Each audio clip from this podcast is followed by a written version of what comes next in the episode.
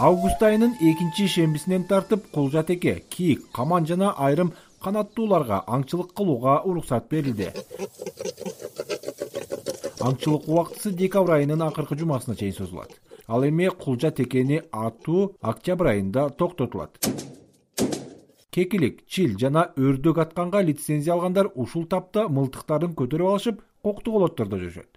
Нарын районунун тургуну бектемир алыбаев тоого келген аңчылар күндөн күнгө көбөйүп жаткандыгын айтты. Э, көбүнчө могу чил атканы көп келип жатышат да. Э, өрдөккө да келишет көпчүлүгү кымбат баалуу машинелерди минип жүрүшөт да алар. Э, жумалап жатып ошондой жүрүшөт да көбүнчөсү эми аңчылыкка уруксаты бар деп эле ойлоп коебуз эми жанагындай машиналар менен келип атса.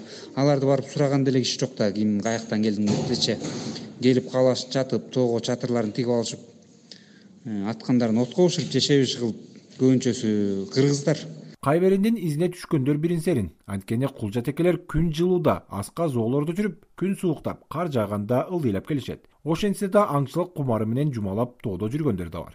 Айлана чөйрөнү коргоо жана токой чарбасы боюнча мамлекеттик агенттиктин маалыматына караганда быйылкы аңчылык мөөнөттө жалпысынан сегиз жүздөн ашуун кулжа теке алтымыш баш каманды атууга уруксат берилген. Мекеменин басма сөз катчысы бактыбек рысалиев буларга токтолду. Эпидемиялык абалга байланыштуу бир аз э, солгундай түштү да. Солгундай түштү эми эми сезон жаңы эле ачылды эми азыр алдын ала айтышка мүмкүн эмес. Себебинде эми сезондун жыйынтыгы менен анан биз э, жыйынтыгын чыгарып атсак канчалык деңгээлде былтыркыга салыштырмалуу канчалык деңгээлде төмөн болду же аз болду аңчылык э, жанагы киреше түшкөн булагы бул жылы бул жылы кулжа атуу элиталык аңчылык болуп саналат. Мындан улам кыргызстанга чет өлкөдөн келип мергенчилик кылгандар арбын маселен чет өлкөлүк жарандарга жапайы жаныбарларга ууга чыгып аңчылык кылууга уруксат берүүдөн мамлекеттин бюджетине эки миң он сегизинчи жылы элүү миллион сом пайда түшкөн.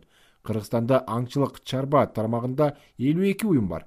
Кырк эки уюм жеке менчик мергенчилик чарбалар алар негизинен чет өлкөлүк жарандарга аңчылык уюштуруп беришет. Бирок коронавирус пандемиясына байланыштуу быйыл чет элдик туристтердин агымы байкалган жок. Маунтайн тур талас компаниясы чет өлкөлүктөр үчүн аңчылык уюштурган компаниялардын бири.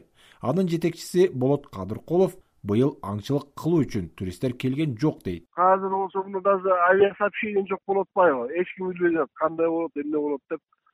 Ушуга уже мына биздин сезон башталмак башталды туристтер жок ошентсе да кайбирендерге аңчылык кылууга чектөө киргизүү сунушун экологдор байма бай көтөрүп келе жатышат. эки миң он тогузунчу жылы бул демилге жогорку кеңеште көтөрүлүп кыркка жакын депутат мыйзам долбоорун алып чыгышкан. Ага ылайык эки миң жыйырманчы жылдан эки миң отузунчу жылга чейин кыргызстандын баардык аймагында жалпы жаныбарлардын айрым түрлөрүнө аркар кулжага тоо эчкисине эликке маралга жана каманга аңчылык кылууга мораторий киргизүү сунушталган. Бирок мыйзам долбоору колдоо тапкан эмес ага жүз тогуз депутаттын сексен экиси четке кагылсын деген добуш беришкен. Депутат жанар акаев буларга токтолду.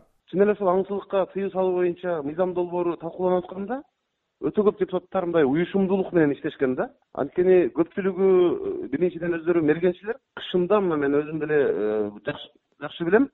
Булар э, барып ушу кышында ушу бир жумалап жанагындай мергенчилик кылып жаныбарларды атып жүргөн депутаттар бар маалыматка ылайык учурда кыргызстандагы тоо токойлордо кырк алты миң баш кайберендин түрлөрү үч миңден ашуун каман эсептелинген. Мындан тышкары кызыл китепке киргизилген марко поло жана тянь шань аркарларынын саны он алты миңден ашкан. Мирлан кадыров азаттык